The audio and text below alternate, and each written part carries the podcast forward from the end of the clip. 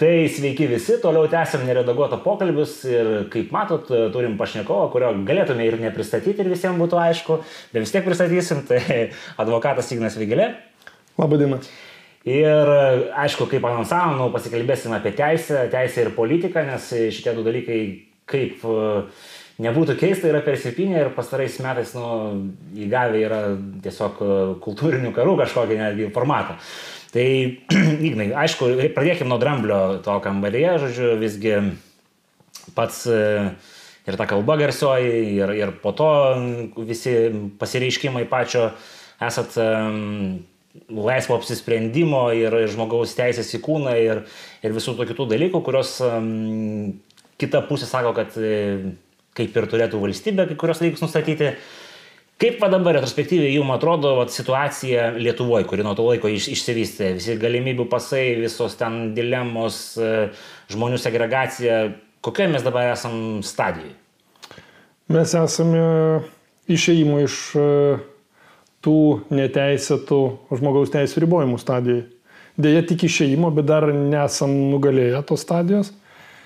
Ir e, ji prasidėjo maždaug gruodžio vidury, Aš pamačiau pirmus ženklus ir užsienio spaudoje, ir Lietuvoje atsirado. O Lietuvoje, paminėkit, kas tie ženklai buvo, nes labai įdomu. Pirmieji ženklai buvo uh, oficialiojoje spaudoje ir oficialiojoje žiniasklaidoje pasirodžiusios abejonės. Juk iki gruodžio vidurio niekas net negalėjo suabejoti nei vakcinų nauda, nei priemonėm, kurios yra taikomos valstybės kovojant su um, COVID. -u net nebuvo galima galvoti apie tai ar kelti klausimą apie tai, ar COVID yra natūraliai iš gyvūno peršokęs ant žmogaus, ar tai yra galbūt netyčia e, iš laboratorijos Kinijoje pabėgęs virusas, nors tokias abejonės dar 2021 metų pradžioj Nature žurnalas yra atspausdinęs. E, reiškia medicinos recenzuojamas vienas garsiausių žurnalų. Bet tuo metu apie tai kalbėti buvo tabu, tuo metu ir Facebookas, e, kaip žinot, ir, ir, ir kiti socialiniai tinklai e, tiesiog blokuodavo bet kokias tokias žinutės. Ir aš atsimenu, tuo metu pasidalinau e, pavasarį Daniai čia būtent šito žurnalu su tokia labai atsargia bejonė. Tiesiog kaip mintim sakau, paskaitykite, kas, kas, kas mane tuo metu sekė, žinoma, sekėjų buvo žymiai mažiau bet taip, kad negalėtų blokuoti, tai yra nepasakyti savo nuomonės, nes tuo metu buvo aišku, kad bus blokas, tą buvo viešai paskelbėti socialiniai tinklai. Tai, vat, tai tos pirmosios e, krekždės tai buvo žiniasklaidoj e, prasidėjęs pokytis, o jis prasidėjo dėl omikrono, nes omikronas e, atėjęs atneša, e, atnešė lygą, kuri pokytį tos lygos, kuri buvo žymiai lengvesnė. Dabar jau daug kas sako, kad tai iš viso yra lengva, kad tai tik pavieniai atvejai, kurie atsiduria ligoniniai.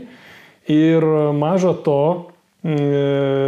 jisai na, nesirenka tarp skiepytų ir neskiepytų, jam jokio skirtumo. Netgi e, Britų paskelbti duomenys rodo, kad e, skiepyti susirgo mikronų dažniau negu neskiepyti ir yra jų statistika, kurią aš kažkada nagrinėjau dar e, rugsėjo mėnesį apie tai dėl deltos įrodinėdamas, kam delta yra pavojingesnė, kad iki 40 metų delta yra vienodai pavojinga ir tiem ir tiem, tai rodo statistika, aš ne medikas, aš negaliu sakyti, ir ten, žinot, e, kartais mane ten garsus tokie, kaip čia jie garsus pasidarė dabar, reiškia, tie mm, e, duomenų mokslininkai, taip vadinamieji, sakydavo, va, bet jisai reiškia, arba medikai, sako, jis ne medikas, manegi kaltindavo tuo.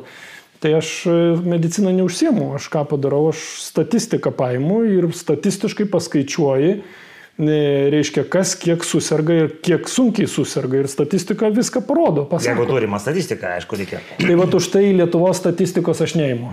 už tai aš naudoju, artoju tą statistiką, naudoju, kur yra mano supratimu patikimesnė, nes pas mus iki šiol Anglai tą daro ir atskiria. Bet, bet kaip pasako tokia dalyka, kad tas mūsų statistika nepatikima, dauguma žmonių su... su Aš pasakysiu iš karto. Mhm. Anglai visada išskiria skiepytas, neskiepytas, po skiepo praėjo tiek laiko, po skiepo nepraėjo tiek laiko.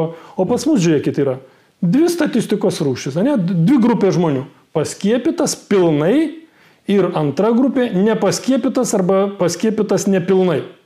Tai dabar suprask, Kas į tą nepaskiepytą ir paskiepytą nepilnai įeina? Tai įeina visi, kurie net ir gavo skiepą, bet ne pro 14 dienų arba po pirmo skiepo ir taip toliau. Tai yra nesažininga statistika. Sažininga statistika yra išskirti visas grupės. Žiūrėkit, kodėl dabar statistikoje nėra iki šiol, mes nežinome statistikos, va atvirai kiekvieną dieną skelbia mums žiniasklaida taip, ją suras beje galima, bet jos tiesiog neskelbia skelbia, kiek susirgo, ne, kad 5, 6 tūkstančiai, 10 tūkstančių susirgo Lietuvoje. Tai skelbkite statistiką, kas susirga, skiepyti ar neskiepyti. Kodėl neskelbia? Todėl, kad tai yra nepatogu. Tai, tai štai grįžtant prie tos temos, e, gruodžio vidury, tai buvo du dalykai - omikrono pasirodymas ir žiniasklaidos, matyt, per didelis spaudimas žiniasklaidai buvo informacijos, tos nu, tikros nu, informacijos, kad galima būtų vien tik tai skelbti propagandą. Nes akivaizdu, kad nemaža dalis informacijos, kuri buvo skelbiama, buvo tiesiog propagandinė informacija. Nu, bet yra tokių, tokia teorija, kad valstybė gali daryti teigiamą propagandą, jeigu tai yra dėl bendro gėrio. Kaip jums, kaip advokatui, tokia, tokia mintis. Žinot, propaganda visada yra labai rizikingas dalykas. Todėl, kad e, aš esu įsitikinęs, kad žmogus yra protingas, kiekvienas žmogus yra protingas ir žmogui reikia parodyti visą informacijos spektrą, kad jis galėtų pats priimti sprendimą. Pats klaidingiausias dalykas gyvenime yra mąstyti, kad tu esi pats protingiausias ir vienintelis išmanai, kaip reikia elgtis. Tam, pavyzdžiui, visos organizacijos turi valdybas, tarybas. Juk jeigu būtum pats protingiausias, užtenka vienu būtų, ar ne? Aš esu advokatų tarybos pirmininkas, šalia manęs yra advokatų taryba. Ką aš darau, kai nežinau, kaip elgtis, kai abejoju, kai matau, kad yra įvairiausių dalykų, arba kai yra labai keblus klausimas, tariesi. Ir kitą kartą aš pasakysiu, geras patarimas ateina, e, gali ateiti ne iš tavo draugų, ne iš tavo simpatikų, bet tiesiog reikia mokėti klausyti ir išgirsti. Tai vat, su propaganda yra labai didelė klaida ta, kad visada žmogus, kuris skleidžia propagandą, jisai galvoja, kad jisai vienintelį žino, kaip reikia ir mes išmokysim jūs ką daryti. Taip, mes, mes tikrai matėm, kad mokė, pakankamai intensyviai mokė. Tai Dabar, va, turint omeny, kas dedasi Junktinė karalystė, Danijoje, jeigu neklystu, jau pabiškai krenta tie visi e, suvaržymai, ar matosi kažkoks tektoninis lūžis pas mus? E, vat būtent e, reguliacinis, kad, sakykime, nu, mes neužilgo galėsim visi užeiti į parduotuvę, kaip buvo senais gerais laikais, ar kažkas panašaus. Aš beveik tikras, kad tai yra savaičių klausimas. Dabar Galimybių pasas yra savaičių klausimas. Aš esu tikras to.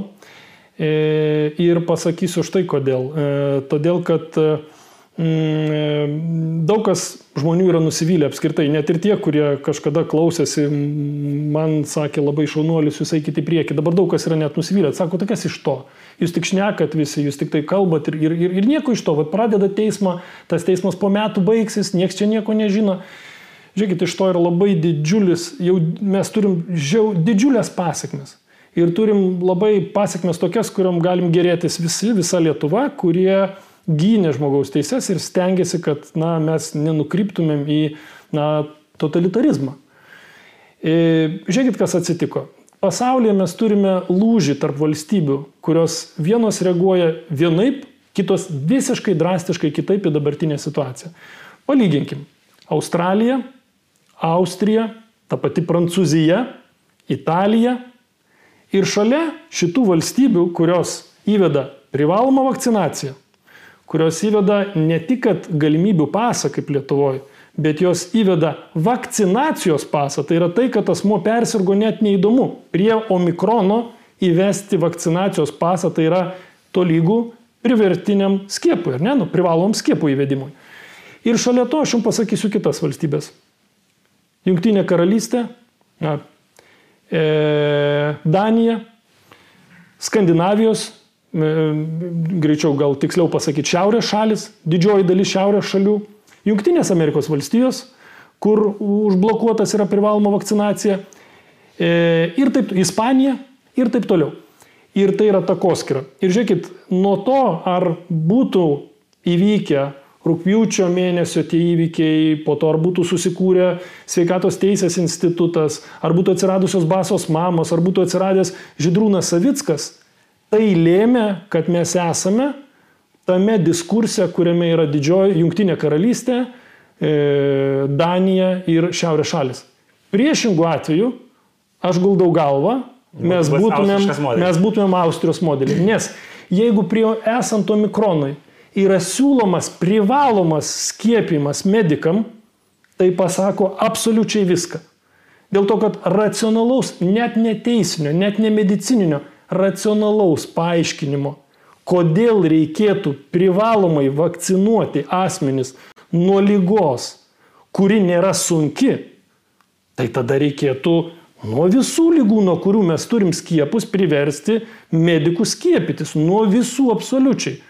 Pradedant nuo vaikų, tai gerai, vaikų lygas visi turim, bet baigiant, žinai, hepatitų B ir taip toliau. Gerai, tai kad nenukritume į per daug į mediciną ir po to nebūtų tų strėlių, grįžkim prie teisės. Yra tas ta kova, kuri yra konstituciniam teisme atsidūrus. Kokia ten yra situacija to, to, to ieškinio? Tai yra iš principo ieškinys dėl galimybių paso. Mm, Vaikų galimybių pasas ten nėra įtrauktas, nes pasikreipimas buvo ankstesnis negu kad įvestas vaikų galimybių pasas.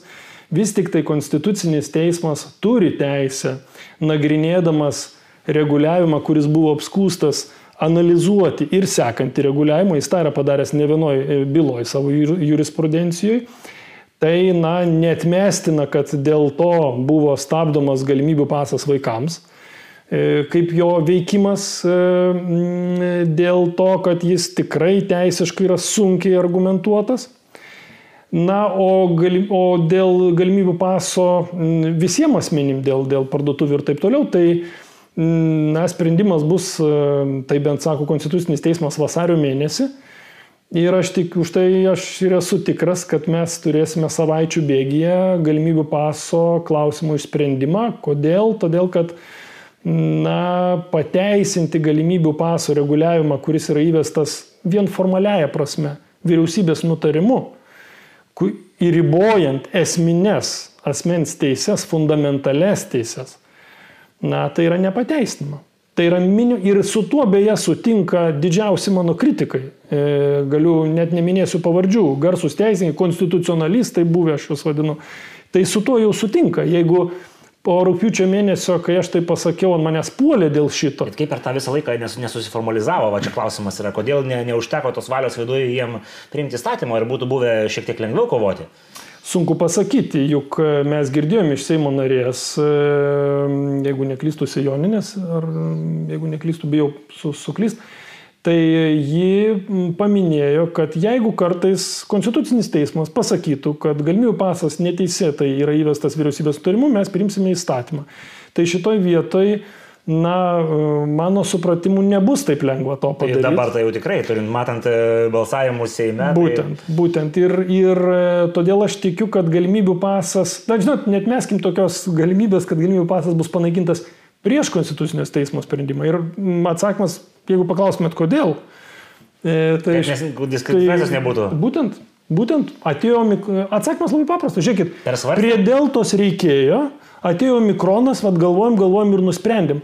Tam, kad nebūtų Konstituciniam teismui e, materialiųjų argumentų, tai yra tų argumentų, turininių argumentų, kad va prie omikrono, kuris na, nepateisina jokiais argumentais galimybių paso, jis vis dar galioja. Tai ne veltui dabar vienas po kito jau žiūrėkit. Pradžioj e, pasisakė, e, tie labai garsiai anksčiau kalbėjo už galimybių pasą medikai, e, vienas kitas jau užgirdom. Dabar jau vienas kitas politikas pasisako apie tai ir netmešiu tokios situacijos. Nu, laikas parodys, čia labai nedaug liko laukti, kaip jūs sakote. Tai buvo toks klausimas iš žiūrovų iš, iš sekėjų Facebook'e, tie žmonės, kurie patyrė tam tikrų materialinių nuostolių, nes e, kažkokias jų kelionės, darbai, verslai buvo, ar yra kažkokių galimybių, precedentų, sakykime taip, į kuriuos atsiriamant būtų galima išsireikalauti iš valstybės e, e, žalą, kurią patyrė nu, verslai ar fiziniai asmenys? Žinoma, galima visada yra galima bilinėtis ir ieškoti žalos atlyginimo savo, bet aš greičiau galvoju, žinot, apie tuos asmenys, kurie kurių sveikata nukentėjo. Ypatingai dėl e, skiepų, nes realiai, žiūrėkit, jeigu galimybių pasas pripažįstamas neteisėtų, asmuo skiepijosi tik dėl to, kad gautų galimybių pasą, jeigu o tokių yra, to, o tokių yra tai tuomet e, kyla klausimas, ar nekyla valstybė atsakomybė už na, privertimą žmogų skiepytis, netgi jeigu jisai dėjo parašą po tuo dokumentu. Aš dabar kaip tik, o dokumentu aš turiu mintį sutikimu skiepytis, mhm. ar ne? E, aš dabar kaip tik darau tyrimą ir pabandysiu jį padaryti ir mes konferenciją tokią mm, jau žadą anonsuoti artimiausių metų, vasario pradžioj, e, apie būtent atsakomybės klausimus. Nes manau, kad e, dabar ateina etapas, kai bus panaikinti galimybių pasai, panai, daug dievė panaikintas žmogaus teisų ribojimas, bet ateina sekantis etapas, atsakomybės etapas. O kas turi atsakyti už tą jovalą, kuris vyko valstybei? kas atsakyti, ir tai yra finansiniai e, e, klausimai, ne tik tai, žinai, nereikia užsispirti ir bandyti kiekvienam žmogui įtikinti, kad tu padarai baudą ir reiškia jį nubausti. Ne, čia ne advokatiškas požiūris. Advokatiškas požiūris, kad tas asmo, kuris nukentėjo, gautų kompensaciją. Tai šitoj situacijai, na, tikrai reikia galvoti, žiūrėkit, aš taip užsiminsiu, kur mano tyrimas linksta, kad truputėlį su, suintriguot. Tai e, nuo to momento, kai medikams buvo išmokamas, e, išmokami papildomi priedai už kiekvieną e, na, įtikintą žmogų skiepytis, nuo to momento mano supratimu atsiranda problemos su pagrindiniu e, Lietuvos aukščiausio teismo nekarta konstatuota sąlyga, kad medikas turi suteikti asmeniui pilną informaciją apie jo apie, reiškia, medicininio preparato naudą ir žalą. Dabar žiūrėkit, šalia to yra medikų etikos kodeksas, kuris labai aiškiai pasako, kad medikas turi būti nešališkas. Ir dabar aš klausiu, ar medikas yra nešališkas, jeigu jis, yra jeigu jis gauna finansinį suinteresuotumą dėl to, kad įkalbina žmogus skiepytis. Ir žinot, bet kas baisiausia čia yra ir ko aš labiausiai norėčiau išvengti. Aš labiausiai norėčiau, kad medikai ne, medikams nekiltų atsakomybė. Nes atsakomybė turėtų kilti galbūt medicinos įstaigoms, bet ne jiems. Dėl to, kad jie kovojo labiausiai su COVID pandemija ir dabar vėlgi, kaip visada, politikai dėsi krūmus, taip atsiprašau, pasakysiu taip liaudiškai. Čia labai švelniai pasakė. O liks medikai ir su savo atsakomybė. Ir tai būtų pats blogiausias scenarius Lietuvoje. Minimaliai, ką galima būtų, ir aš darau toliau tyrimą ir noriu pasianalizuoti, kad ko gero atsakomybės reikėtų reikalauti iš e, medicinos įstaigų ir tada guls ant e, valstybės pečių šitą naštą. Kitas aspektas yra aišku, E, pačių politikų atsakomybė. Bet dar prieš politikus mhm. noriu paklausyti klausimą. Tekia girdėti, skaityti, kad užsienį, nežinau, Lietuvoje, vad gal jūs žinot, tas finansinis paskatinimas buvo ne tik už skiepijimą, bet ir už e, paguldytus į COVID skyrių pacientus, už pacientus paguldytus į raudonąją zoną. Ar mes turim kažkokių duomenų, kad buvo finansiniai skatinimai, vat, kaip sakoma, hospitalizacijai arba tai rimčiausiai hospitalizacijai? Čia, jeigu turėtume tokių duomenų, tai ko gero būtų atsakymas, kodėl negalima pasitikėti lietuvišką statistiką. Bet aš tokių duomenų neturiu. Aš turiu uh, tikrus duomenis, tai yra, tai yra norminiai aktai, kurie labai aiškiai sako, kiek skatinami medikai buvo už kiekvieną, e, reiškia, įtikintą paskiepyti asmenį. Tai e, vėlgi mes galim sakyti, kad čia pozityvas, reiškia, ne, valstybė siekia kovoti su COVID ir taip toliau. Mano supratimu, valstybė tą daryti turėjo medikams sąžiningai mokėdama didelius atlyginimus tam, kad jie dirbtų savo darbą ir, ir sunkų darbą. Pakėlė tas algas. Mm, pasikalbėkit su medikų profesiniam sąjungom ir pamatysit, kokia ten yra statistika. Jeigu per vidurį pandemijos medikai duoda į teismą, medikų profesinės sąjungos duoda į teismą e, medicinos įstaigas už tai, kad jiem yra per mažos algos ir nevykdoma e, profesinių sąjungų, reiškia ten jų kolektyvinė sutartis, tai daug ką pasako. Tai daug ką pasako. Tai tikrai buvo nedekvatus e, tas veiksmas. Ir vietoj to padarom labai gudrių schemą. Vietoj to, kad mes jums nepadidinsim algos, bet jūs vat, vat, vykdykit mūsų nurodymą, reiškia, didinkit paskiepytų asmenų skaičių ir gausit tą, tą patį vos ne tik tai per Gal kitą pjūvį. Atskleisti tą informaciją, kiek gaudavo medikas už vieną įtikintą asmenį. Aš bijau pasakyti, jo, aš bijau suklysti. Reiškia, ten, kiek aš pamenu, nuo 15 iki 30 eurų. Nuo 5 iki 30 ten buvo, ten keitėsi situacija. Bet reiškia, kuo vyresnis, tuo didesnė buvo išmoka, o kuo mažesnė, tuo, tuo, tuo o pradžioj buvo, man atrodo, 5 eurų, jeigu aš neklystu. Bet Mm. Tai nėra kažkokios labai didelės sumos, nu, bet žmogui tai yra reikšminga suma kiekvienam nu, bendrosios praktikos gydytojui, ar ne? Tai vienas dalykas. Antras aspektas yra, buvo tokiu atveju, kai žmonės yra skiepimi be medicinos praktikos gydytojos, bendrosios praktikos gydytojos. Ką reiškia skiepimai? Čia reiškia autobusiukai?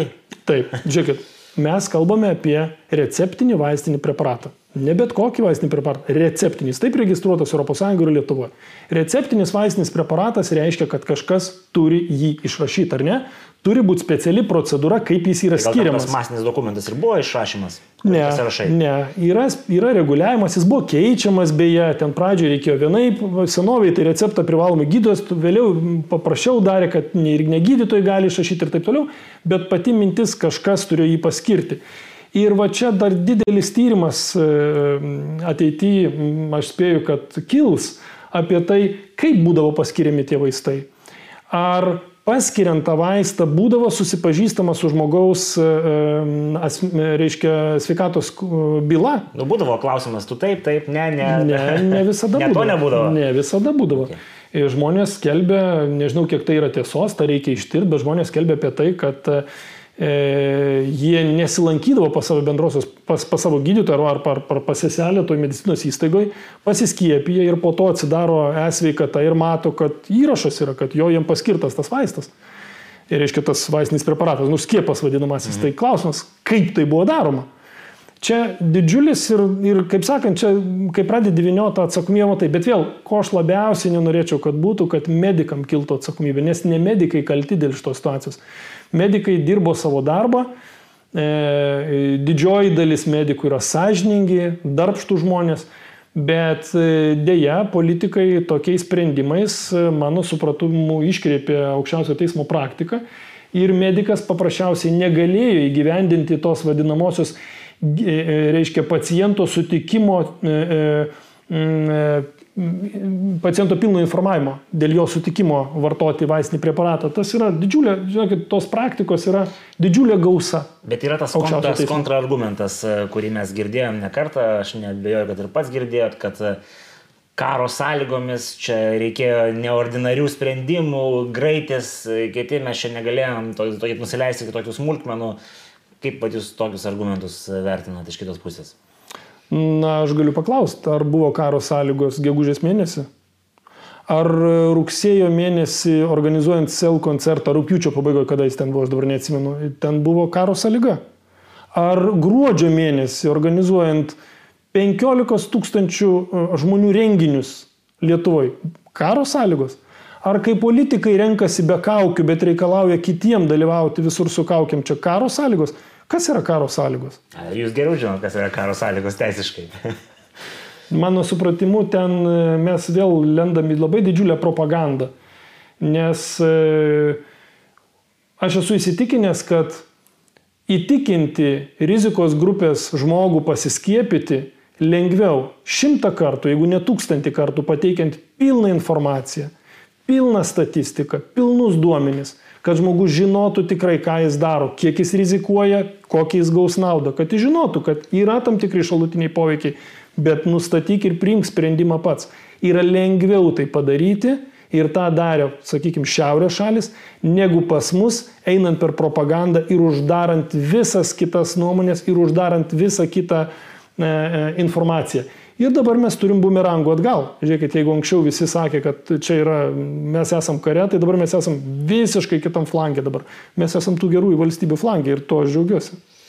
Tai negaliu nepaklausti. Yra dalis žmonių, kurie galbūt, nežinau, mažiau, sakykime, susipažinę su, su, su teisiniu reguliavimu ir jie klausia, nu, vat, politikai nerizikuoja jokių savo asmeninę atsakomybę, jie pasikeis, jokių mes čia kaltųjų nesurasim nu, kas atsakys už visus šitos dalykus, jeigu, tarkim, jūs sakot, medikai būtų idealu, kad neatsakytų, atsakys valstybė, tai realiai, jeigu ir bus mokamos kažkokios e, kompensacijos kažkam, tai atsakys mokesčių mokėtojai. Tai, tasme, nu, gaunasi pakankamai tokia, nu, sakykim, tragikomiška situacija, kad, tasme, ieškom atsakingo, po to tiem atsakingiam atlyginam iš, iš tų pačių nukentėjusių, kaip sakoma, suneštų mokesčių. Jūs esate teisus, iki šiol Lietuvoje tikrai e, tokia sistema yra. Yra e, įstatymas, atskiras net dėl atsakomybės, bet jis ten taip e, gana sunkiai taikomas privačiam asmeniui, turiu minti jau konkrečiam politikui, bet mes turim pilną, pilną bazę paruoštą tam. Lietuvos vyriausias administracinis teismas yra nagrinėjęs garsaus vieno ministro, tokia garsi byla ministro, kuris neteisėtai atleido iš darbo asmenį, asmuo prisiteisė iš valstybės kompensaciją dėl neteisėto atleidimo. Ir kilo klausimas, ar galima priteisti iš ministro žalą, kurią sumokėjo valstybė. Šita byla atėjo iki pat Konstitucinio teismo. Konstitucinis teismas nustatė kriterijus, kada ta žala yra galima mhm. priteisti iš asmen, iš, iš, iš politiko konkrečiai, vykdomosios valdžios atstovo. Ir dėja, toj byloj, po to jin grįžo į vyriausią administracinį teismą, toj byloj nesurado vyriausias administracinis teismas visų pagrindų, kuriuos išvardino Konstitucijos teismas. Bet, bet pagrindai yra. Bet ką aš noriu pasakyti, yra pagrindai, yra galimybė ir negalimybė, o labai reali atsakomybė kyla asmeniui vykdančiosios valdžios, kuris priima sprendimus. Tas yra įtvirtinta konstituciniam teisme, tas yra nagrinėta vyriausio administraciniam teisme ir tokia atsakomybė yra. Ar kils atsakomybė šituo konkrečiu atveju, na, šansų tikrai yra daug. Ir matysim, kaip visa tai vystysis, bet, na, iš tiesų šansų yra nemažai. Ir dėja, mm, kas mane visada stebina, kad e, politikai arba vykdomosios valdžios atstovai, kai jie įgyja galę, tampa vadovais, jie pamiršta, kad ta pozicija yra laikina. Jie pamiršta girdėti žmonės neretai, galvoti apie ateitį, ką jūs, kokį, kokias pasiekmes sukels jų sprendimai, teisinės pasiekmes, atsakomės pasiekmes Ir tik po to, kai viskas pasibaigė, kaip ir buvo su tuo ministru, atleidau, nes man taip reikėjo, aš taip norėjau. Po to prisiteisė ir po to jis turi bilinėtis penkis metus. Tai štai kai bet koks žmogus, būdamas pozicijoje, pamiršta, kad tai yra laikina, na, neretai kyla pasiekmes po to, kai jis jau nėra toje pozicijoje. Bet tai čia dabar taip žiūrint iš šono, e, galbūt e, didžiausia politinė partija valdančioje daugumoje visai vykusiai apsidraudė, nes tiek sveikatos ministras, tiek premjerė nėra politinės partijos nariai, tai vadinasi, politinė partija jokios neneštų žodžio atsakomybės, o asmenys nu, būtų galima nurašyti. Na, yra tam tikri atvejai, kai neša ir juridiniai asmenys atsakomybę, reiškia, ir, ir net, ir, net ir baudžiama gali tam tikrais atvejais e, kilti atsakomybė, bet šiuo atveju man sunku atsakyti šitą klausimą nes e, ar čia toks specialus apsidraudimas, e, na iš tiesų sveikatos ministro pozicija yra labai rizikinga. Ir taip elgtis, kaip jisai elgesi, mano supratimu, yra, na, nepavadinsiu taip, bet pasakysiu rizikinga tą patį žodį. Didelės išminties kartais kažko nedaryti. Ir tai yra daug labiau išmintinga negu kažką padaryti. Tai mm, šitoje vietoje, mano supratimu, mm, su, ta, su ta logika buvo prasilenkta. Nu, tikėkime, ministras yra gerai apsidraudęs ir viskas. Čia beje apie ministrą, taip kalbant tolyn, aš e, galvoju, kada mes sulauksim kažkokią bylą, nu, nei aš, nei, nei, nei sveikatos teisės institutas ar kiti teisininkai, jie patys to padaryti nesugeba dėl didžiulių krūvių bet aš vis laukiu, kada pradės kelti klausimą medikai patys. Iki šiol yra draudžiama atlikti skrodimą po mirties, jeigu asmuo sirgo COVID arba, dėmesio, įtariamas, kad sirgo COVID. Jūs galite įsivaizduoti? E, gatvėse, kur vat, kitą kartą parodom, kad, kad, kad žmogui insultas ištinka ar ne infarktas. Jos kros negalima. Jeigu įtariamas COVID, jisai yra neskrodžiamas. Ir klausimas tada, šitas reguliavimas buvo įvestas e, pono Verygos, e, tuo metu ministro. Kodėl, na, toks buvo galbūt nurodymas iš, iš, iš reiškia, atėjo tokia kaip sakykime, banga iš tarptautinė, toks mhm. kažkodėl jisai atėjo toksai. Mes paklausim kada nors pono Aurelijos. Jo, o, mm, bet e, po to tas įsakymas buvo kelis kartus taisytas ir, mhm. ir, ir kiek aš pamenu, lygiai tas pats buvo padaryta ir prie, ir prie, ir prie dabartinio ministro, e, pono Dulkio, ir tai yra nepakeista. Mano klausimas yra, tai dabar, kai omikronas yra lengvo lengvas virusas iš esmės didžiaja dalimi, aš neskau visiems visada. Ir formaliai jis vis tiek COVID. -as. Bet jis COVID ir formaliai mes vis dar netliekame skrodimo. Kodėl? Hipotetinis klausimas, palikime jį neatsakytą. Tai dar kol virš perėmėm prie kitų klausimų, norisi paklausti apie konstitucinį teismą. Vat jūs taip kažkaip optimistiškai apie jį išnekėjot. Šiaip jau ta nuomonė, sakykim, taip, visuomenė yra tokia dviprasmiška. Konstitucinis teismas, ten, vat, nuo tų, sakykim, senesnių laikų, kai buvo ten atrastos dvasios konstitucinės ir kiti dalykai, yra tokia skeptiška į šitą instituciją nu, poziciją kai, kai kurių Lietuvos gyventojų. At kaip jums atrodo, ar mums konstitucinis teismas yra kaip valstybei būtinas, ar mes galėtume tas funkcijas aukščiausiam teismui per, per, perleisti ir būtų paprasčiau galbūt ir... ir kaip Junktinės Amerikos valstijos, ar nu, ne? Kažkas, aš tai nebūtinai Junktinės Amerikos valstijos, tai matyti yra ir kitų Europos pavyzdžių. Taip. taip. E, žinot, aš galvoju, kad e, norint padaryti bet kokią reformą, e, siekiant padaryti bet kokį pokytį, reikia labai gerai išanalizuoti jo pasiekmes. Ir e, ką, kas man dabartiniai politikoje nepatinka, ir tai nepatinka jau na, keletą metų, ne tik su šita kadencija, kad neretai politikai eksperimentuoja su visuomenė. Jie nepasvarstė, kas turėtų, kokias pasiekmes sukels tas sprendimas, jie tiesiog, nu, mum atrodo, kad tai bus gerai ir važiuojam. Juk e, kiekvienas politinis sprendimas nulėmė tiek ekonominius padarinius, tiek teisinius padarinius tiek visuomenės apskritai kultūrinius padarinius gali nulemti, ar ne?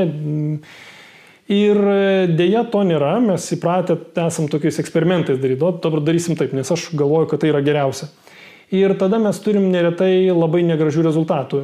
Jeigu jūs pastebėtumėte įstatymai, kaip jie yra siūlomi, tai didelė dalis įstatymų eina skubos tvarka, kitaip tariant, net negirdima yra visuomenės nuomonės ar visuomenės interesų grupių, ne, nebegirdima. Galima pasiteisinti, kad labai reikia čia kažką daryti. Tai, gali... tai, žinokit, tas teisimas ir, ir, ir praeitoj Seimo kadencijoje, ir už praeitoj, ir šito ypatingai visą laiką yra labai skubos tvarka. Ten, ten valstybės kontrolė yra atlikus, e, tarp kitko, auditą e, teis, e, teisėkuros. Ir jinai konstatavus yra, kad labai daug įstatymų yra priimama skubos ir ypatingos skubos tvarka. E, valstybės kontrolės e, auditorius vadas tuo metu buvo kas? Ponas Dulkys. Šiandien sveikatos apsaugos ministras. Ką sveikatos apsaugos ministras su vyriausybė siūlo? Priimti viską skubos, ypatingų skubos tvarka per Seimą, ar ne? Lygiai tas pats. Kažkada sakė, kad tai yra blogai, dabar mes matom, nu čia aišku, mes kariaujam visą laiką.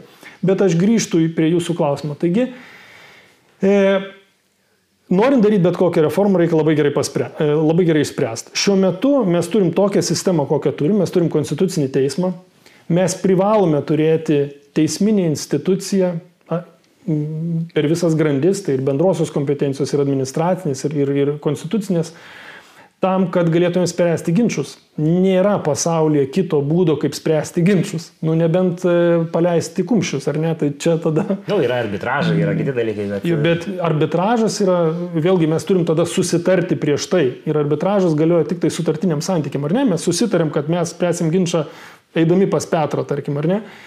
E, čia mes kalbam apie ginčą, kuris yra, na, na, klausimas, ar yra teisėtas reguliavimas. Tai žinoma, kitokio būdo, kaip spręsti per teismą nėra. Tai pirmas atsakymas. Antras atsakymas, konstitucinis teismas iš tiesų yra e, sudėtingas, e, jo sprendimai yra labai sudėtingi. Nes konstitucinis teismas, na, čia aš vieno konstitu, konstitucionalisto girdėjau, E, interviu, kai tik jisai baigė būti konstitucionalistu, jisai sakė, kad mes į nieką nesižvelgiam, mes žiūrim tik į teisę ir žinot, teisė yra toks daiktas, kad jinai yra mums labai aiški ir visuomenės nuomonė absoliučiai negalima sižvelgti, mes turim priimti taip, kaip yra teisiška. Čia yra totali nesąmonė, mano supratimu. Kodėl? To, kad teisė yra, jinai nėra jūsų ar mano teisė, jinai yra visuomenės sutartis. Yra tuo metu esantis visuomenės sutarimas dėl to, kaip reikia mums gyventi. Todėl kreipti dėmesį į visuomenę, į visuomenės požiūrį yra būtina. Ne tai, kad nereikia nekreipti ar gal atsižvelgti, būtina, turi girdėti. Kažkada yra padarytas tyrimas, kiek ES teisingumo teismas, ne kažkada, yra kelios disertacijos rašytos, kiek ES teisingumo teismas atsižvelgia į ekonominius santykius. Ten labai daug ekonominių bylų, labai brangių ekonominių bylų. Ir jisai tyrė, kiek, e, reiškia, jisai atsižvelgia, kiek priima teigiamus sprendimus valstybėms ir kiek priima teigiamų sprendimų privatiems subjektams, nes dažniausiai privatų subjektai ginčia valstybių taisyklės. ES teisė taip su, surėdita, kad e, ES teisingumo teismą kreipiasi privatus subjektas, paprastai verslininkas, kuris išsėmės, nepatenkintas. Išsėmės, e, jo. Nebūtinai išsėmės. Ne, ne, nebūtinai. Gali... Čia, čia ES teisingumo teisme ne, nebūtinai. Gali ir iš pirmos instancijos net ateiti. Ginčydamas valstybės taisyklę kažkokią, tai ar ne? Tai ten buvo nuostabus dalykai. Pasirodė, kad ES teisingumo teismas yra labiau palankus verslui negu valstybėms, ar ne?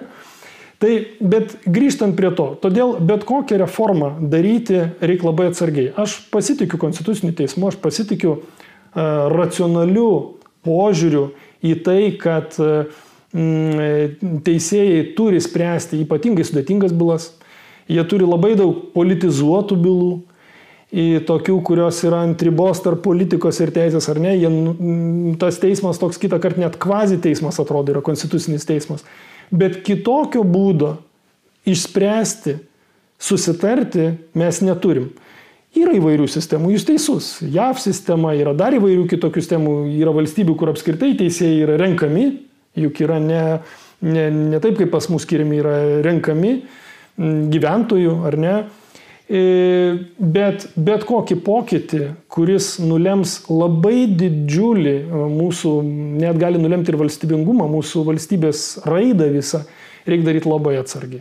Todėl aš nepritariu jokiem drastiškiam pakeitimam, tokiem, tokiem tokio tipo drastiškiam pakeitimam labai gerai neapsvaršius prieš tai. Na, tai čia noriu tokį konkretų pavyzdį. Visai neseniai Seimas įteisino, esame, latiniškoje becelėje keletą papildomų raidžių. Jeigu aš teisingai suprantu, Konstitucinis teismas buvo pasisakęs, kad tai prieštarauja Konstitucijai, tos, tasme, rašyba, įksų ten ir visų kitų. Teismų praktika, kita vertus, jau nekarta buvo, pasme, įteisinus tokį dalyką de facto. Tai, na, va čia yra kolizija. Kaip jums atrodo, kaip tokie dalykai sprendžiami?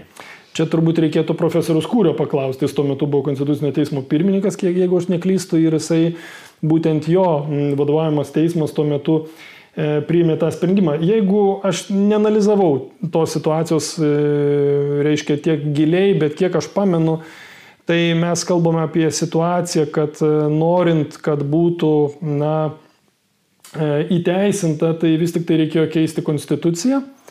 O keisti konstituciją yra taip paprasta. O keisti konstituciją yra netaip paprasta. Ir turėjo būti išvada kalbos komisijos, lietuvių kalbos komisijos. Tai Mm, e, kiek man e, taip iš, iš pirmo žvilgsnio žiūrint į tas įstatymas, kuris yra priimtas iš tiesų kelia bejonių dėl jo konstitucingumo. Vadinasi, prie galbūt kita. kita aš galvoju, kad gali taip atsitikti, jo lab, kad yra buvę bylų Europos, e, vėlgi, Sąjungos teisingumo teisme dėl, dėl vardų rašybos, dėl įvairių kitų panašių dalykų ir, Europos Sąjungos teisingumo teismas nepasakė labai taip gražiai, taip, e, taip pasakyčiau, kaip, kaip apie kokias, taip išsiviniojo, jeigu taip liaudiškai galima pasakyti, ir nepas, nenustatė pažeidimo. Kitaip tariant, tai mes negalim sakyti, kad, kad toks reguliavimas, kuris buvo nustatytas ir, ir, ir reiškia, išaiškintas Lietuvos Respublikos konstitucinio teismo, jisai nepažydė ES teisės ir todėl e, tai yra grinai mūsų nacionalinės teisės dalykas. Ir e, dabargi reikėtų turbūt laukti, jau girdėjot turbūt, kad yra kreiptasi į, e, siūloma kreiptis į Konstitucinį teismą, dabar nežinau, ar surinkti pilni parašai ar ne, bet kiek pamenu, jau buvo pradėta rinkti parašus ir aš beveik nebejoju, kad bus surinkta parašų Seimo narių ir bus kreiptas į Konstitucinį teismą ir Ir, ir, ir mes turėsim dar kartą bylą konstitucinę. Se, Seimo narių parašai, ar jie turi būti kaip prezidento atveju skubos tvarkan, tas metas ieškinys, jeigu yra pateiktas Seimo narių, ar, ar jis eina į bendrą tvarką gulą? Ar... Bendrą tvarką. Bendrą. Tai išskyrus, tai greitojo nesitikėjimas. Išskyrus, jeigu būtų viso Seimo nutarimas priimtas. Mm. Tai šiuo atveju taip nebus, šiuo atveju bus ta dalis e, virš 30 Seimo narių kurie turi teisę kreiptis į konstitucinį teismą ir jie kreip, ir kiek man žinoma, jie jau lygiai tas pats, kas su galimybių pasu. Tai, žinot, nu, prezidentas šiuo atveju aš abejoju, ar mm, politinė prasme, turint mintį kaiminę, jam būtų patogu dar prašyti greitinti. Ko gero jis taip nesielgs. Jo lab, kad paprastai prezidentas ir neskuba, dabar mūsų prezidentas jis neskuba kažko daryti, kol nėra labai didžiulio spaudimo. Dar palikim desertui. Tai yra dar vienas tasme, įvykis šių praeitų metų, kuris irgi turi daug teisinių klausimų. Tai tie mūsų įvairiai vadinami pabėgėliai, atbėgėliai, turistai, tai kaip mes su jais tvarkėmės e, prie sienos, kaip jums atrodo, ar čia valstybė e, gali turėti kažkokių teisinių problemų e, su ES, ar galų gale tie patys Lietuvos piliečiai negalėtų kokią nors tvarką kreiptis vėlgi e, ieškodami teisingumo, nes nu, žinom, kad valstybė skirs nemažus e, resursus šitam reikalui spręsti, vadinasi, kažkas greičiausiai nukentės. Tai... Aš, aš net nebejoju, kad mes turėsim atsakomy, teisinės atsakomybės klausimų, net nebejoju, nes iš tiesų Lietuva, na, ne visais, bet e, kai kuriais atvejais e, pažeidžia tarptautinius įsipareigojimus. Ir ta atstumimo politika, kuri yra vykdoma ir, ir sąlygos, kuriomis yra laikomi tie asmenys, jie netitinka tų reikalavimų, kurie yra keliami. Aš suprantu e, mūsų visuomenės pykti dėl to, E, kad e, jų gyvenimo sąlygos, mūsų lietuvių gyvenimo sąlygos, lietuvių tautos, turiu minti politinę tautą, jokių būdų ir, ir, ir visi, kas yra lietuviai, rusai, visi, kurie čia gyvena, pykti, kad jie gyvena negeriau negu tie, nes juos maitina nemokamai ir taip toliau, bet dėja yra tokia tartotinė teisė ir mes turim taip gyventi. Čia klausimas yra, šiek tiek reikėtų prisiminti istoriškai, kas atsitiko. Istoriškai mes patys leidome tam įvykti Mes patys, jūs pamenate, e, reiškia, apie tai užsiminė, man atrodo, jeigu neklystų, krašto apsaugos ministras, apie tai, kad mes leidome pabėgėliam patiem įeiti. Netikės, netikės užsiminusių asmenų. Leidome tam keturiem tūkstančiam čia įeiti tam, kad būtų sureaguota Europos Sąjungos. Vadinasi, tai buvo politinis sprendimas. Kažkokia kvota buvo, aš irgi sugirdėjęs. Reiškia, politinis sprendimas priimti tam tikrą finansinę naštą mhm. ir įsipareigoti. Tai čia yra politinis sprendimas. Čia nieko neturi bendro su tuo, kad mes pykstam, kad, jie ten, kad jiem reikia, kad jos daug išlaikyti. Tai jau yra priimtas tas sprendimas. Jau mes privalom įgyvendinti, nes mes tą padarėm. Nes tą patį, ką darė politikai po to, su, buvo galima padaryti, žinot, čia įvairiausių būdų yra. Buvo galima daryti nuo pat pradžių, nes mes matėm, kad, Taip. pavyzdžiui, Lenkai nu, kitaip elgėsi. Nuo pat pradžių. E, ga, galima buvo, žinot, Vengrai dar kitaip elgėsi. Vėlgi, tai aš negaliu sakyti, kad jie gerai elgėsi. Vengrai toks burtažodis, kuris... Jo, jo, bet jie elgėsi negerai. Jie elgėsi negerai, bet, bet jie, už savo bet jie savo interesus gynė. Juk jie, netgi, žinot, yra tokie, netgi buvo ir gandai tokie, kad nusamdyti autobusai laukia prie vienos e, sienos, pro kurią įeina pabėgėliai ir tiesiog e, perveža jį prie kitos sienos pabėgėlius, reiškia. Tai visokių čia tų, e, reiškia, ir, ir vengrai tokiu būdu elgėsi, po to labai gavo labai stipriai, reiškia, iš nu taip sako, kad taip elgesi, nu oficialiai tai niekur nepatvirtinta, bet gavo tai, aišku, tai nėra teisėtas elgesys vėlgi, bet tai yra būdai, kaip valstybės bando tvarkyti su pabėgėliais, bet vėl, jeigu dar labiau atsuktų atgal, aš atsukau vieną, reiškia, istorinį etapą atgal, kai mes priėmėm tos pabėgėlius, ar ne, patys, samoningai žinodami, mes priėmėm, nes tai buvo politinis sprendimas. Jeigu dar atsuktų atgal, Tai nu, visada liaudis, nu čia taip paprasta, liaudiška patarlė, lasda turi du galus, ar ne? Nu, kaip šauksi, taip atsilieps. Taip? Nu, mūsų veiksmai su Baltarusija, mūsų iššaukė Baltarusijos atsaką. Jis turėjo būti kažkoks. Čia aišku, galima filosofuoti, kad tai būtų buvę jo. no matter what, tai taip, būtų taip. buvę. Bet žiūrėk, nu, ne, nu, kiekvienas veiksmas turi to veiksmą. Nu, Vėgelė gruodžio e, rūpjūčio 20 ar 9 ten dieną išėjo pakalbėjo kalbą, ne? Nu, nesitikėjo, kad būt, bus toks didžiulis ažiotažas, aš tikrai sa, sąžininkai negalėjau tikėti, tai neįmanoma tikėtis, tai, tai, tai kad kažką pasakęs, tu būsi išgirstas tokio kiekio žmonių, ar ne? Bet... Ar žino tą skaičių, kiek žmonių jūs išgirdo? Daug, daug, ten pusė Lietuvos, net skaičiuojant visus mažamečius, tikrai didelis kiekis. Bet E, žiūrėkit, e, po dviejų parų, nors ir susijaudinęs ir susinervavęs, aš supratau, kad bus didžiulis atoveiksmis. Veiksmas turi atoveiksmį. Aš padariau skaudžiai tam, tikrai, na, tam tikriem politikų sprendimams, na, įvardinau mano supratimu jų neteisėtumą tuo metu Ir, ir aš skaudžiai gavau atgal. Nu ką aš padariau, aš paėmiau pertrauką tada savaitės, bet kodėl aš tai padariau, tai kad aš žinau, kad aš labai stipriai gausiu lasdą atgal. Tai lygiai taip pat visur, visuose politiniuose sprendimuose, visuose tarptautiniuose santykiuose, kai tu veiki, tu žinai, kad tu gausi atgal. Ir vienas yra tik tai toks aspektas, kuris labai sunkiai leidžia kalbėti apie tarptautinius santykius E, kurie čia susiję, nes čia ta teisė pabėgėlių yra susijęs su tartutiniais santykiais ir ta Baltarusijos problema. Mes daug ko nežinom. Mes tikrai daug ko nežinom, susitarimų, užkulisinių debatų, dalykų. Visuomenė nežino. Visi mes nežinom. Žino o, tą galbūt. galbūt. Žino. Saugumo departamentas galbūt žino, galbūt žino komitetas saugumo Seime ar ne. Į prezidentas, krašto apsaugos ministerija, ne. Vidaus tie, ministerija, vidaus, ne. tie, tie, tie pagrindiniai asmenys, jie turi žinot bet mes tikrai daug ko politikoje tarptautinėse santykiuose nežinome ir kadangi mes to nežinome, tai mes nežinom priežasčių, kodėl tai daryta, kas. Ir niekada tiesą pasakius, ko gero, ir nesužinosim. Gal kažkas išmastys, bet e, sunku bus pasakyti, ar tai yra tikra tiesa ar netikra. Todėl, mastant taip, taip poveikio mūsų Baltarusijos, Baltarusijos politiką, mes gavom atgal lasdą Na ir gavo mano supratimu ne lasdo, o vėzdų. Dėl to, kad mažo to, kad mes nustumėm Baltarusiją į Rusijos glėbį, mes ją tiesiog atidavėm Rusiją. Taip, nu, čia diletantiškai žiūrint, net nežiūrint į gilų, kodėl. Politikos gynėjai pasakytų jums. Nežiūrėkit, mes ją nustumėm į Rusijos glėbį. Dabar pasiekmė viso to veikimo yra, kad Baltarusija yra Rusijos įtakos sferoj. Ta, ką darė iki tol visa užsienio politika Lietuvos kad išlaikyt Baltarusiją kaip galint maksimaliai nepriklausomą nuo Rusijos, tai mes dabar turim visiškai priešingą rezultatą ir plus dar turim pabėgėlius. Nu, čia Toks yra rezultatas. visiška naujiena, nes e, norinčių demokratizuoti Baltarusiją buvo ir ankstesnėse iteracijose nuo nuo Džordžo W. Busho laikų ir vizito ir, ir vėlesnių santykių. Tai va čia to, ko mes nežinom, bet e, kas ten buvo po iš tiesų sprendžiama ir kodėl, va šito mes niekada nežinosim ir nesužinosim. Ir, ir gal sužinosim, 50 metų. gal, gal. Tai tada norisi dar vieno teisinio komentaro.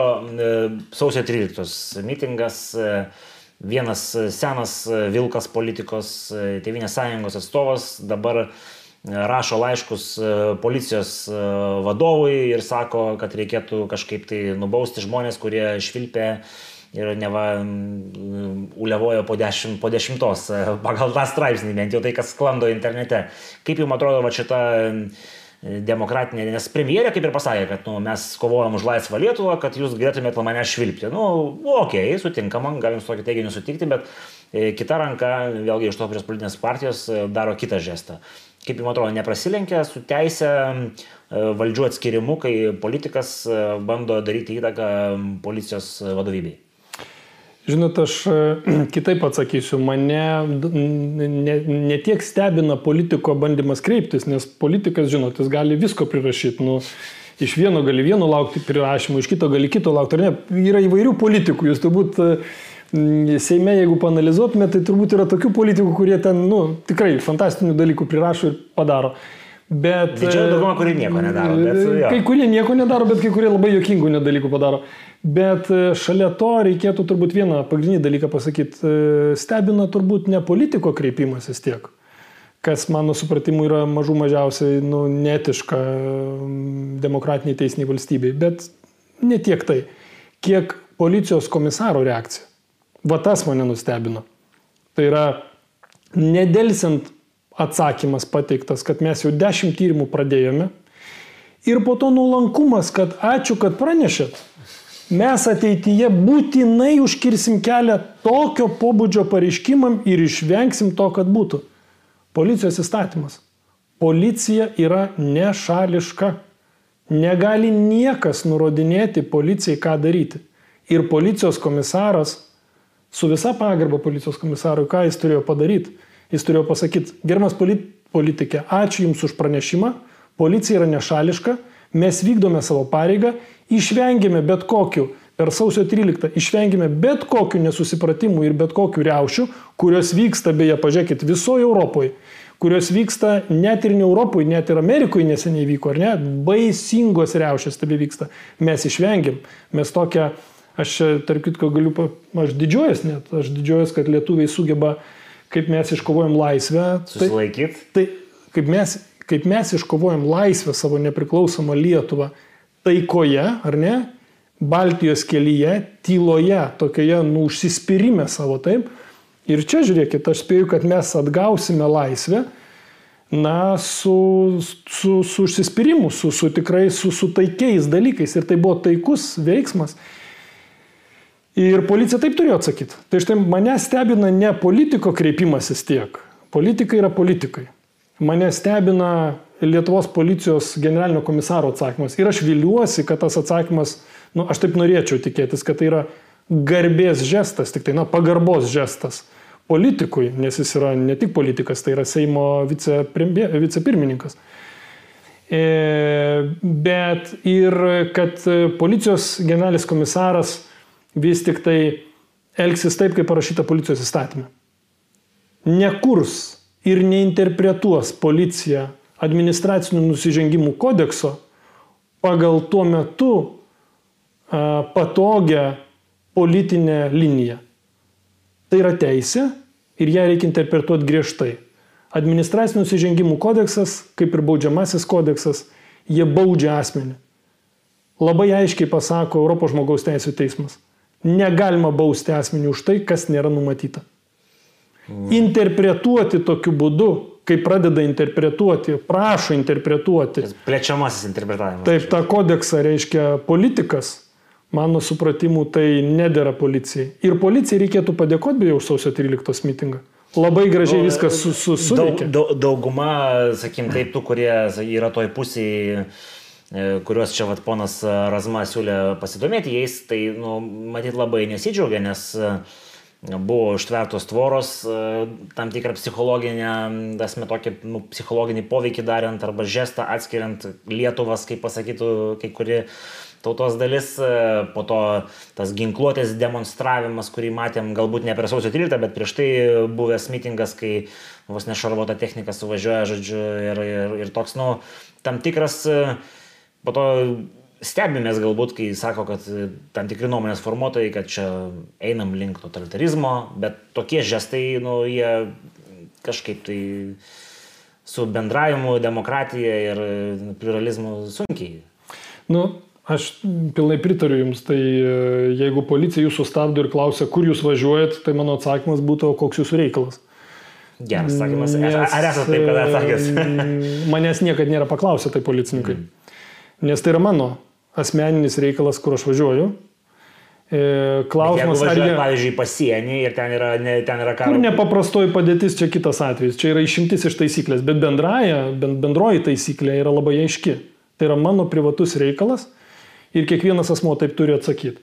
Klausimas yra tik tai žinoma tais atvejais, kai E, policija ką turi teisę apžiūrėti automobilį, ar jame nėra uždraustų daiktų, ar ne, ten, ar, ar, ar neįtariama, kad, kad ten akmenų prisikrovęs, kad tu važiuoji ten, reiškia, ten mėtyti savo. Lietuvoje policija gali atidaryti bagažinę, apžiūrėti, va taip iš niekur nieko. Be...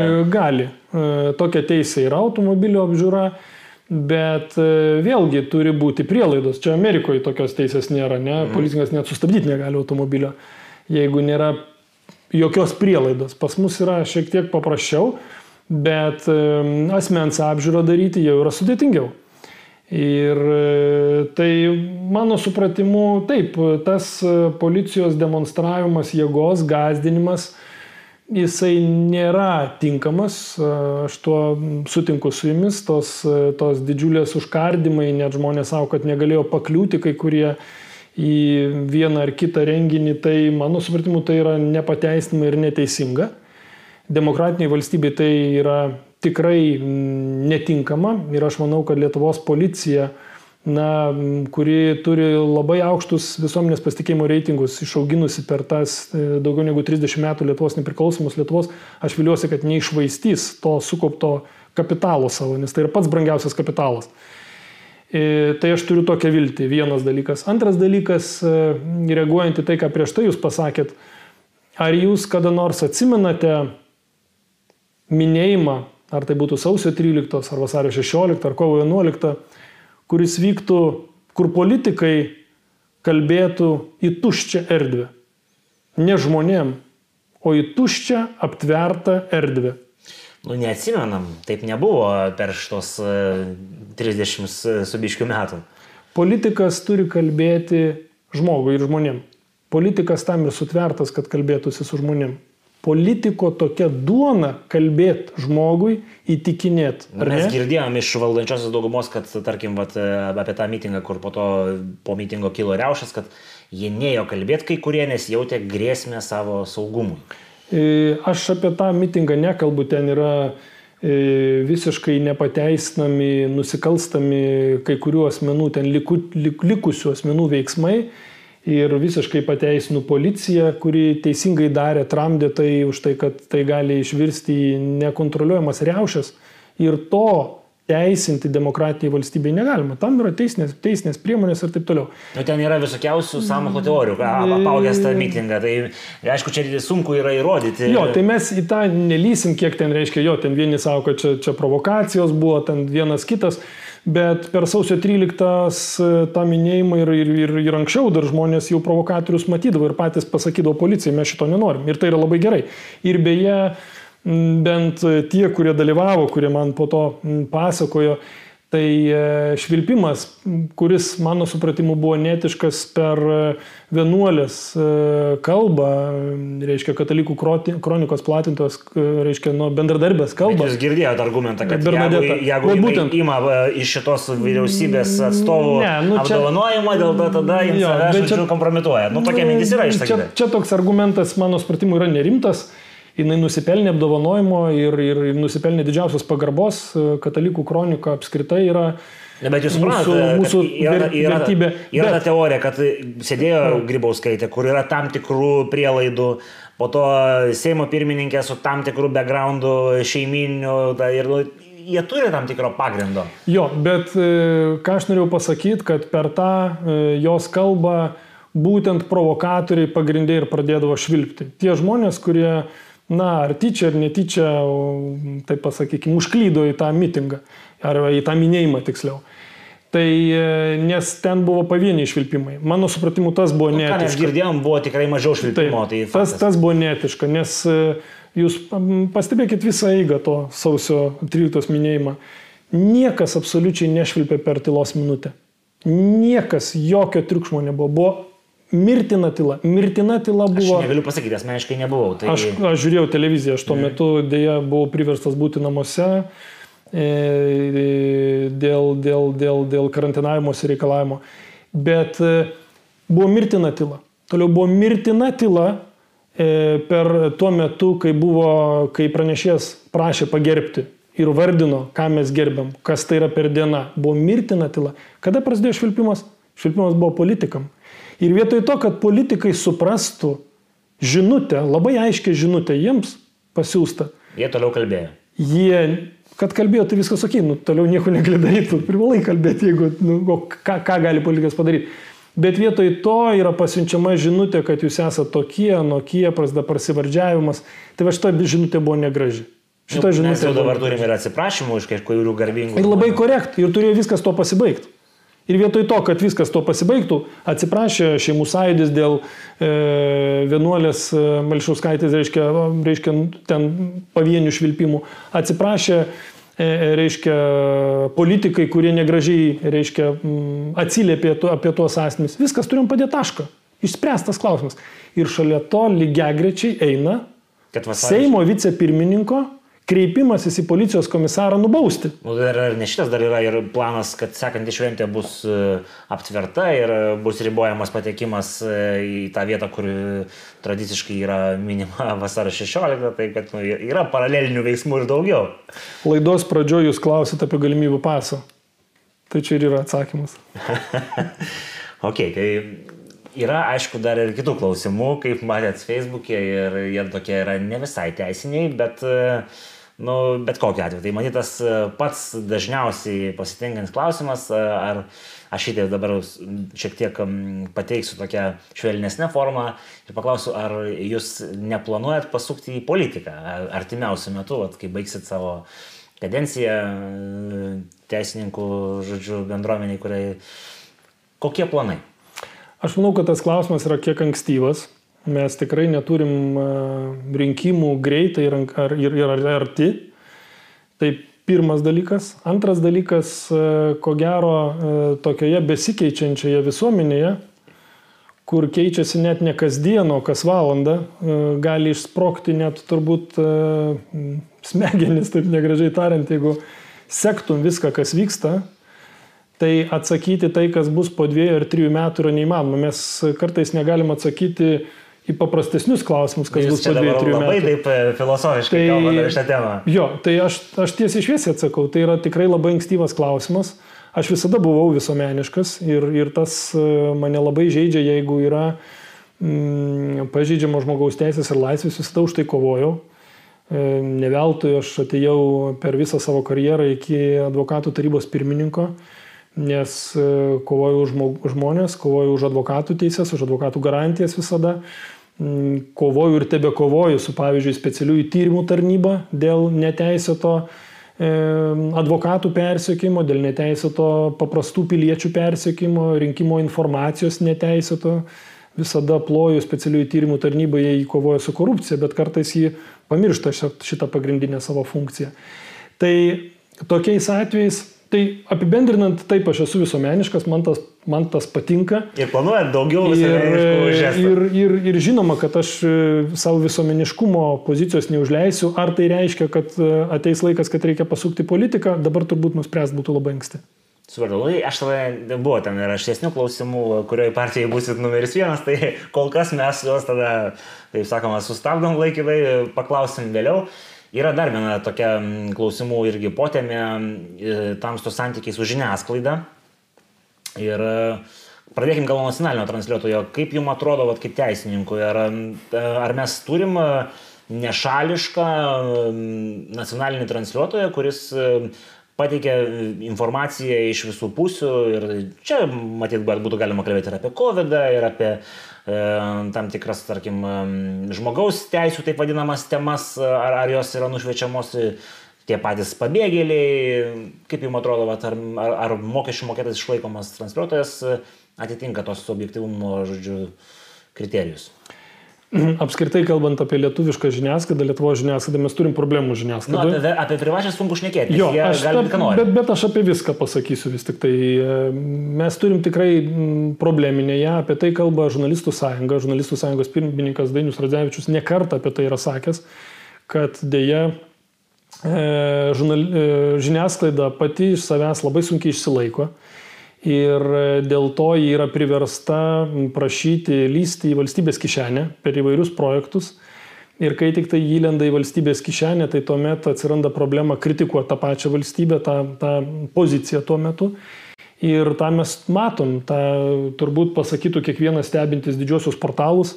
Bet va čia noriu paklausti tą klausimą. Tarkim, anoj kadencijai, kurią turėjom prieš metus, Pavyzdžiui, nacionalinis transliuotojas nematė problemos e, netransliuoti premjero kažkokios e, kalbos arba, e, tarkim, politinės partijos, kuri tuo metu buvo didžiausia valdančios koalicijos narė, pirmininką skalbdavo, kodėl vat, kitų politinių jėgų selektyviai taip neskalbė. Jo, aš prieisiu prie nacionalinio transliuotojo. Taigi, taip užbaigsiu su, mhm. su, tai mes turim apskritai problemų su visa žiniasklaida. Mes esame per maža rinka ir toje rinkoje dėja žiniasklaida neišsilaiko be valstybės pinigų. Jeigu valstybės e, finansavimą paskirstyti protingai, tai yra programiniu būdu, ir jį skirstytų ne politinės, e, reiškia, vykdomosios valdžios institucijos, ar ne? Nes dabar vykdomosios valdžios institucijos jos, nu, pavyzdžiui, E, skiepų projektai viešinimas ėjo per sveikatos apsaugos ministeriją. Nu, taip neturėtų būti. Turėtų būti nu, objektyviai skirstoma per tam tikrą fondą, kuris buvo ir, ir, ir galioja tas fondas ar ne, e, remimo ir taip toliau. Schemų, kaip tai padaryti, yra. Klausimas, ar kas nors nori padaryti, kad būtų skaidriau, akivaizdžiau ir jau lab, kad mes turime labai blogą, mm, mes turime apskritai didžiulę problemą su regioninė žiniasklaida.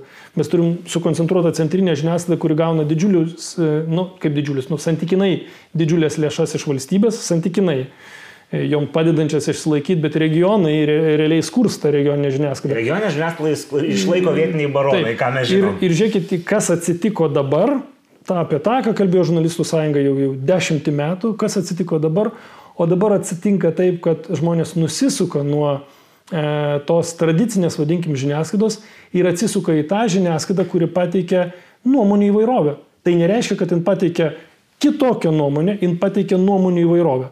Štai atsiranda jūsų kanalas, atsiranda kiti kanalai. Nu, mes, jie... ne, aš nesu žiniasklaida ir mūsų kanalas. Mes esame YouTube'as, kas yra atskira kategorija. Čia klausimas ir aš manau, kad jūs esate žiniasklaida. Čia yra nesureguliuotas tik teisiškai dalykas. Aš manau, jūs turėtų būti laikomi žiniasklaida nuo to laiko, kai jūs, jeigu jūs išsilaikote iš žiniasklaidos, jeigu pakankamai gaunate lėšų, ar ten per Patreonus, ar per ką, aš manau, kad jūs turėtumėte, tai būtų sažininga, ar ne?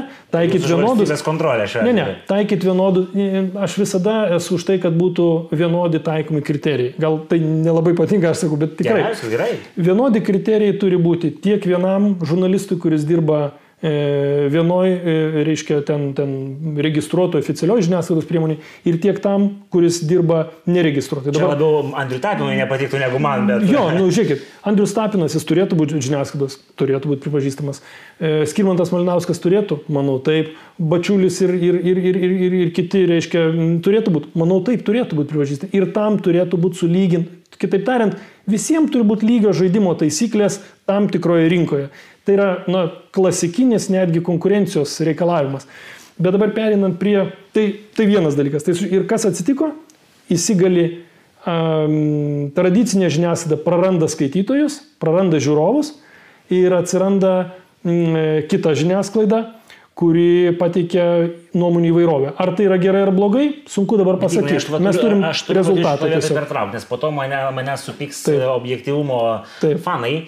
Ar galima tam tikrą žiniasklaidą, nu, tarkim, paimkim du pavyzdžius, kad ne, ne, nekalbėtume apie orą. Tarkim, mūsų kolegos internetinė televizija ponios Jautinės ir, tarkim, dienraštis Respublika. Ar jūs manot, kad jie pateikia nuomonių įvairovę? Ar tai yra tiesiog kita nuomonė pušinama tokiu pat būdu, kaip, tarkim, toj tradicinėje žiniasklaidoje yra, tarkim, pušinamas e, tas naratyvas toks e, elitistinis, o ten yra pušinamas kažkoks kitoks naratyvas. Ar tikrai mes kalbam, kad, e, kad vieną kažkokią vienpusiškumą pakeičia pluralizmas kitoje pusėje? Ar nėra taip, kad mes vienoje barikadų pusėje pučiam, žodžiu, ventiliatorių į vieną pusę, kitoje pusėje, į kitą pusę, bet kažkokio tokio bendro putimo nėra?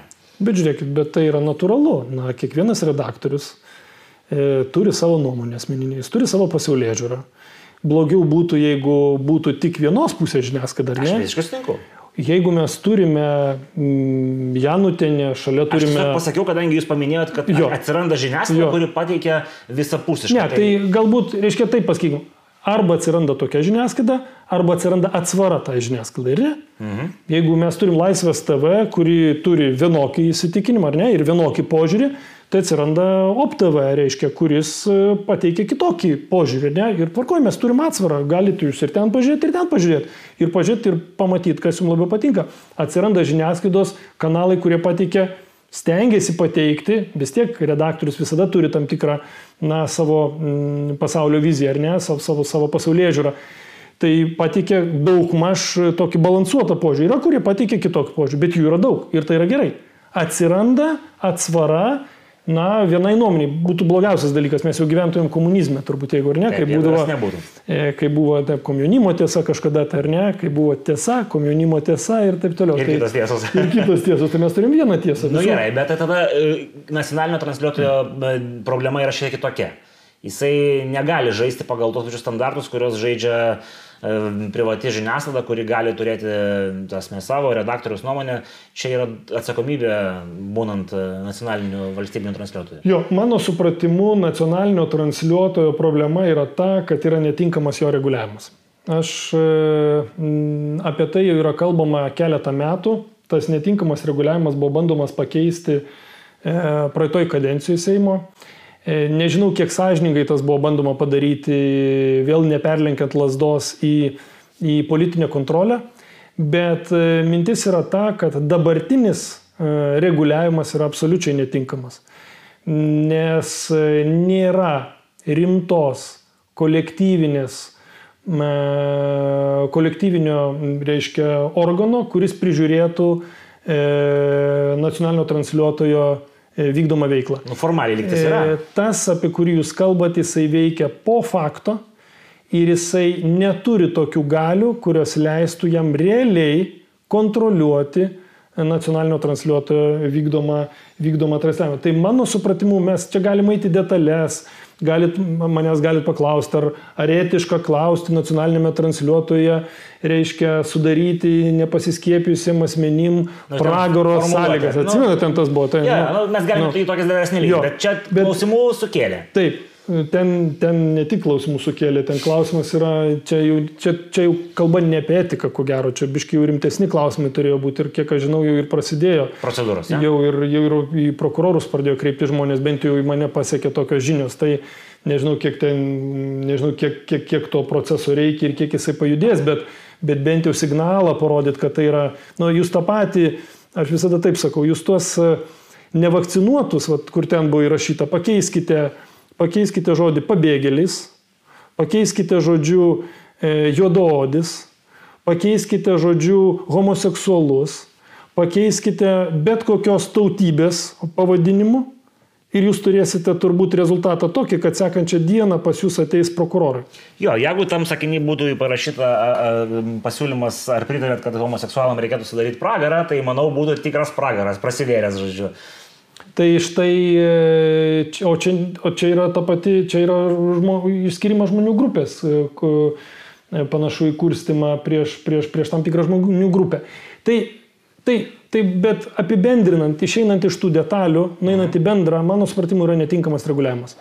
Pirmas dalykas tai yra absoliučiai netinkamas reguliavimas ta prasme, kad nėra tinkamos kontrolės, visuomeninės kontrolės, ne valstybinės, ne politikų visuomeninės kontrolės, kur turi būti žmonės, atsiprašau, kur turi būti žmonės tokie, kurie nėra nu, maksimaliai apolitiški, kiek tai man. Arba jeigu jie nu, vis tiek turi savo pasaulyje žiūrą, tai turi būti na, plačių visuomeninių organizacijų. Iš įvairios, taip, pasaulyje žiūrą. Jie turi turėti realias galės.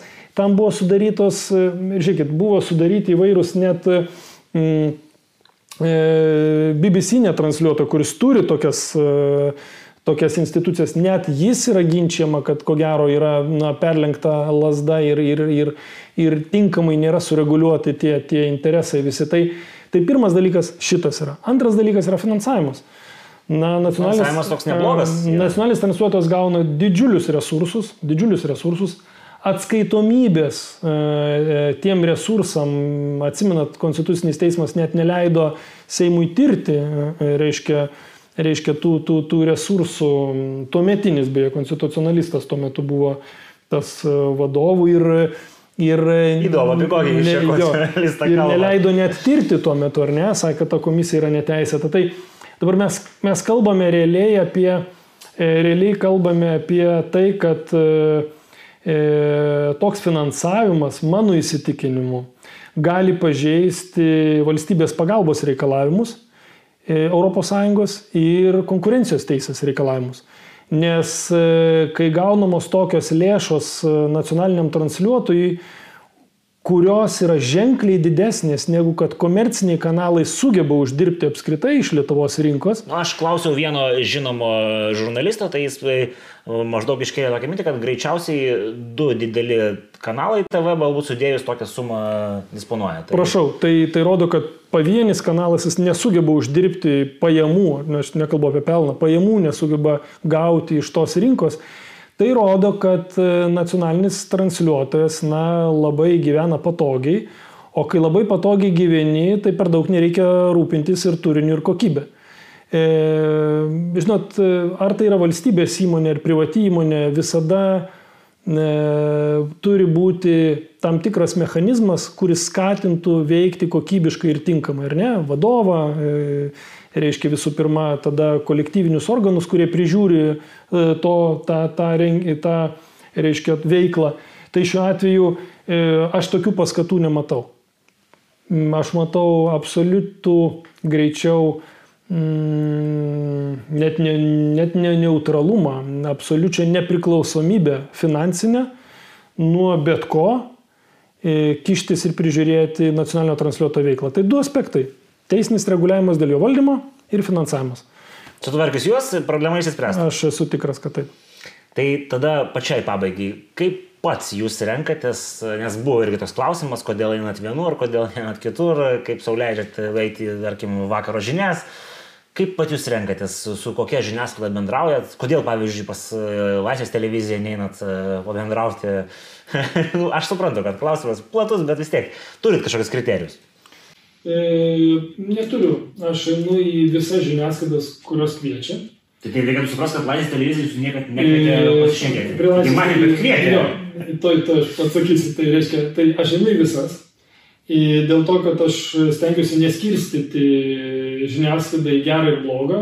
Aš manau, kad kiekviena žiniasklaidos priemonė turi, turi savo e, požiūrį ir e, to požiūrį reikia dalytis.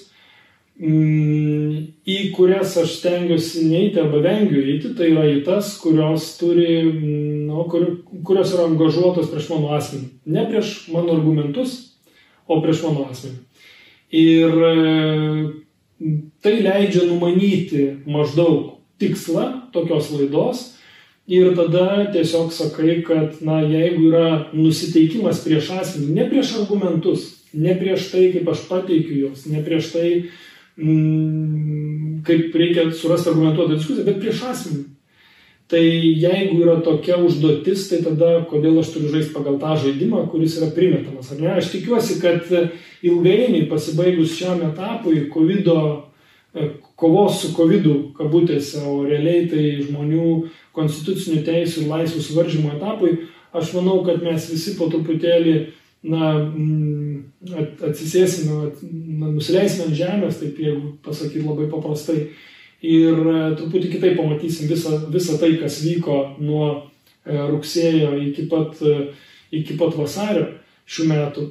Ir mano supratimu, kad e, išseks e, projektinės lėšos, kurios e, tikrai buvo mestos nemažos tam, kad e, finansuoti įvairias, kaip jie sako, e, viešinimo kampanijas, pavadinkim taip, taip mhm. švelniai tariant. Ir tada mes turėsim daugiau e, sažiningumo, atvirumo ir tikros diskusijos. Tai aš matau, kad tas laikas ateina ir e, tada bus daug mažiau tų kanalų, kurie bus nusistatę prieš mano asmenį. Gerai, bet aš tave dar paklausiu tokią ne visai korektišką klausimą, tokią sukonstruosim klausimą iš kelių pusių. Tarkim, vakaro žinios ir mes žinom, kokia tai yra grupė, kas yra tasme, pagrindiniai asmenys. Ir tarkim, esame internete matę, kad e, redaktorius nevengia pas save pasikviesti labai keistų asmenų, kurie yra vertinami dviprasmiškai tarkim, e, ponas Lekstutis, e, ponas Paleckis. Ir po to advokatų, gerbiamas advokatas irgi kalbasi, sakykim, tai panašiam formate. Ar čia nematot, kad yra, atsiranda galimybė jūs po to jūsų nefanam, pavadinkim taip, badyti pirštų ir sakyti, va, žiūrėkit, šitas asmo buvo, o prieš tai buvo tie du, vadinasi, sudėkim iš dviejų ir gaunasi, kad kažkas yra nu, negerai, čia švelniai, kaip sakau. Galbūt, bet kas, galbūt jūs teisus. Bet kas leidžia demokratiniai valstybei asmenį skirstyti žiniasklaidą į gerą ir blogą. Nuo to momento, kai bet kuris asmuo, aš turiu minti politikas arba viešas asmuo, aš esu viešas asmuo, esu mhm. savo advokatų tarybos pirmininkas, dabar aš čia dalyvauju kaip privatus asmuo, bet bet kokiu atveju dėl savo viešų pasisakymų aš jau esu tapęs, būdamas privačiu asmeniu viešas asmuo. Tai nuo to momento, kai vieši asmenys pradeda skirstyti žiniasklaidą į gerą ir blogą, teisingą ir neteisingą, nuo to momento, mano supratimu, mes gyvenam kvazi demokratijoje. Aš esu įsitikinęs, kad visa žiniasklaida turi teisę gyvuoti, tiek, kiek jin randa atsvaros e, visuomeniai ir tiek, kiek jin neskleidžia melaginų. Jeigu jin pradeda skleisti mel, melagystės ir netiesą, arba pradeda kurstyti ar ne, tai yra daryti prieštaringus veiksmus prieš, prieš Lietuvos Respublikos, reiškia, baudžiamosios įstatymus ir panašiai, kas yra dabar baudžiamas įstatymas, tuomet mes turime žiniasklaidą, kurią galime įvardinti negerą. Ir... Nu, mano minėti asmenys, tie, apie kuriuos aš kalbėjau, kad jie buvo kviesti į tą auditoriją, jie turi teisinių problemų tasme, su, su, su valstybė. O to jūs galėtumėt man įvardinti daug politikų, kurie neturi teisinių problemų šiuo metu. Bet mes šiandien ne politikus kalbam apie žiniasklaidą. Bet jie yra vieši asmenys ir tie politikai kalba. E, turbūt jeigu jūs e, paskaitytumėt e, politikų biografijas, Tai nemažai surastumėt politikų, kurie turėjo teistumą. Na, mes ne visą biografiją galim paskaityti dar. Jo, mes e, turbūt, e, čia kitas dar dalykas, kad mes iki šiol 70 daugiau metų, kiek jau čia praėjo, mes nesugebam, e, mes sugebam uždaryti 75 metams KGB archyvus ir, ir, ir nepriimti iliustracijų statymų. Čia yra gėdingiausias dalykas Lietuvos nepriklausomai valstybei. Ir mes žinome, kad kaimynai Latvijai arba būtent, ukrainiečiai sugebėjo šitą padaryti. Iliustracijos įstatymas būtų užkirtęs kelią bet kokiem spekulacijom. Bet kokiam spekulacijom, kurios vyksta dabar. Bet kokiam, sako, čia samokslo teorija, čia jūs meluoja, čia jūs netie sako. Tai jų politikai, jūsų rankose yra tai padaryti. Išviešinkit šitą dalyką, iliustruokit visus ir bus visiems viskas aišku. Iki šiol tas nepadaryta, nežinau kodėl. Vėl e, retorinis klausimas, ar ne, gal patogu ir, žinot, e, politikoje, šiaip e, politika daro, visi sako, o Seimas didelis, realiai Seime kiek žmonių yra, kurie priima sprendimus? Penki, septyni.